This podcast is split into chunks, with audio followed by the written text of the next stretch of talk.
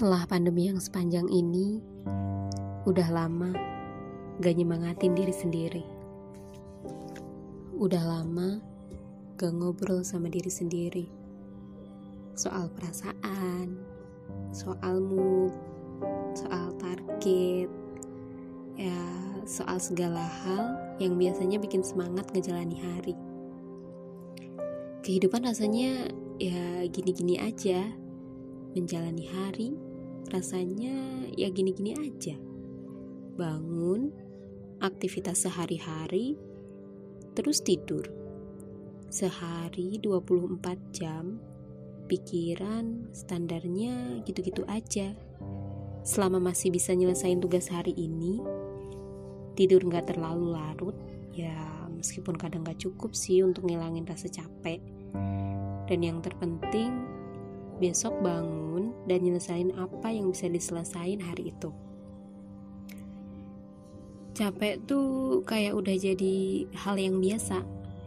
Jenuh juga jadi hal yang biasa. Ya, semuanya rasanya biasa aja.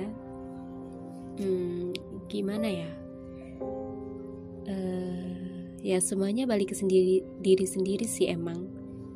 Selama ini kayak kayak hidup tuh ya udah gini juga cukup. Masih bisa makan masih bisa tidur. Ya gini aja nggak apa-apa kan?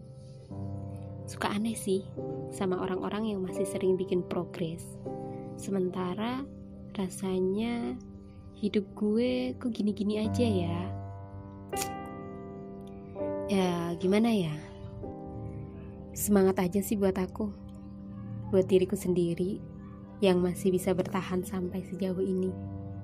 Yang udah baik banget kuat buat ngelewatin semua permasalahan semua rasa yang kadang ganggu hati sama pikiran. Buat semua hal yang bikin diri sendiri gak selalu baik-baik aja. Gak usah dilebih-lebihkan ya. Kan kasihan diri kamu sendiri. Baik-baik ya aku. Tetap jaga mood jaga kesehatan.